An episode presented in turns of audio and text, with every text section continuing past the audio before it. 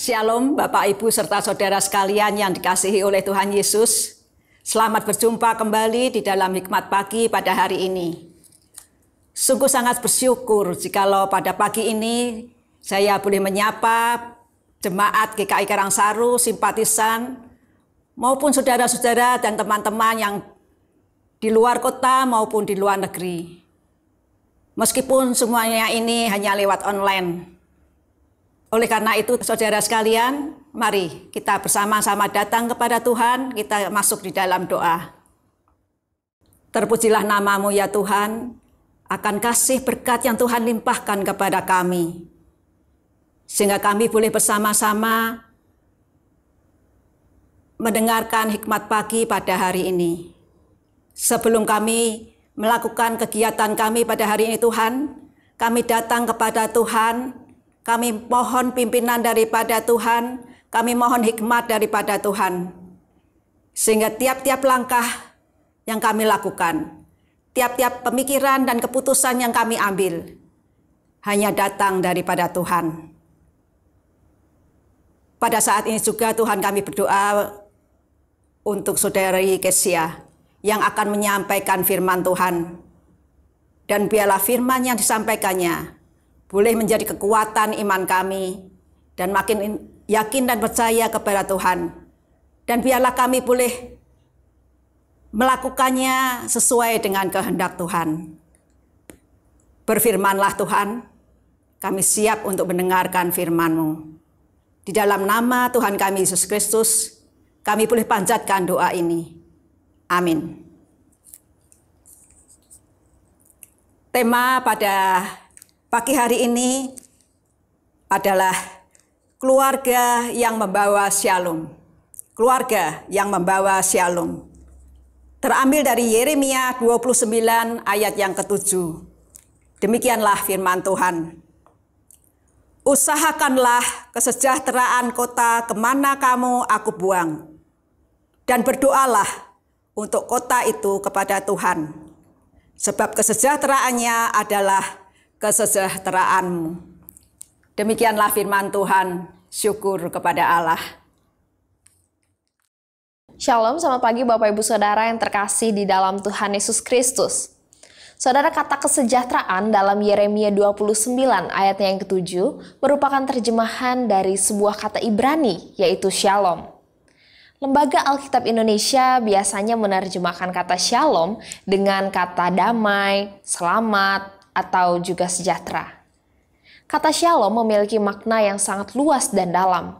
Pendeta Andar Ismail menguraikan beberapa contoh yang akan membantu kita memahami apa makna dari kata shalom. Sebagai berikut. Yang pertama, bangsa dan negara yang berada dalam persatuan, tidak terpecah, dan tidak terkotak-kotak, maka dikatakan sebagai bangsa dan negara yang berada dalam shalom. Di sini shalom berarti keutuhan. Yang kedua, ada dua orang atau dua kelompok berdamai kembali setelah pulih dari hubungannya yang beberapa waktu mungkin sempat terputus atau juga renggang. Maka dikatakan antara kedua orang ini atau kelompok terdapat shalom. Di sini shalom berarti keselarasan. Yang ketiga, ketika panen hasil berhasil dan tiap orang tercukupi kebutuhan hidupnya, maka rakyat dikatakan hidup dalam shalom. Di sini shalom memiliki arti damai sejahtera, sejahtera makmur atau berkat. Itu yang ketiga. Yang keempat, saat suatu perjalanan yang telah kita lewati dengan baik tanpa gangguan, kecelakaan, maka dikatakan kita telah mendapatkan shalom. Di sini shalom berarti selamat. Nah Bapak Ibu Saudara, Yeremia pasal 29 merupakan surat yang ditulis kepada orang-orang Israel dalam pembuangan di negeri Babel dengan latar belakang kerusuhan dan pemberontakan yang baru saja dilakukan oleh orang-orang Israel terhadap pemerintah Babel. Bapak Ibu Saudara, Yeremia pasal 29 merupakan surat yang ditulis kepada orang-orang Israel ketika mereka dalam pembuangan di negeri Babel. Dengan latar belakang kerusuhan dan pemberontakan yang baru saja dilakukan orang-orang Israel buangan terhadap pemerintah di Babel. Melalui suratnya, Nabi Yeremia mengingatkan orang-orang Israel yang berada dalam pembuangan untuk tidak melakukan pemberontakan dan mengobarkan kerusuhan. Nabi Yeremia justru menyuarakan agar orang-orang Israel mengusahakan kesejahteraan, mengusahakan shalom di negeri di tempat mereka tinggal. Seruan Nabi Yeremia ini juga berlaku bagi kita segenap keluarga-keluarga Kristen yang hidup di masa kini. Kita juga dipanggil dan diajak untuk mengusahakan kesejahteraan, yang artinya kita mengusahakan shalom, mengusahakan keutuhan, keselarasan, kesejahteraan, berkat, keselamatan, kebahagiaan, kesehatan, ketertiban, keadaan di mana semuanya berada dan berfungsi sebagaimana seharusnya. Oleh sebab itu, sudahkah Bapak, Ibu, dan saya sebagai keluarga-keluarga Kristen di masa kini membawa shalom bagi lingkungan tempat di mana kita berada? Marilah kita wujudkan shalom tempat di mana kita berada. Amin. Mari kita berdoa. Bapak Maha Kasih di dalam Kristus, terima kasih Tuhan.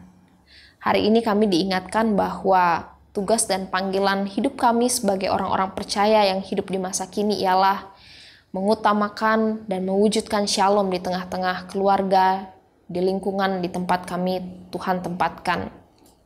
Tuhan, jikalau selama ini keegoisan kami, jikalau selama ini justru kami memberontak, kami berjalan sesuai dengan keinginan kami, kami tidak memperhatikan sekeliling kami.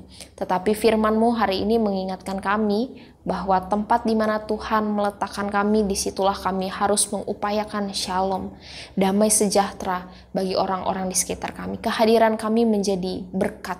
Kehadiran kami bukan menjadi batu sandungan bagi orang-orang di sekitar kami. Kiranya roh kudus-Mu menolong setiap keluarga-keluarga Kristen baik itu jemaat maupun simpatisan GKI Karangsaru dan seluruh pendengar hikmat pagi. Tuhan, pada pagi hari ini kami juga berdoa, kami menyerahkan hidup kami ke dalam tangan Tuhan.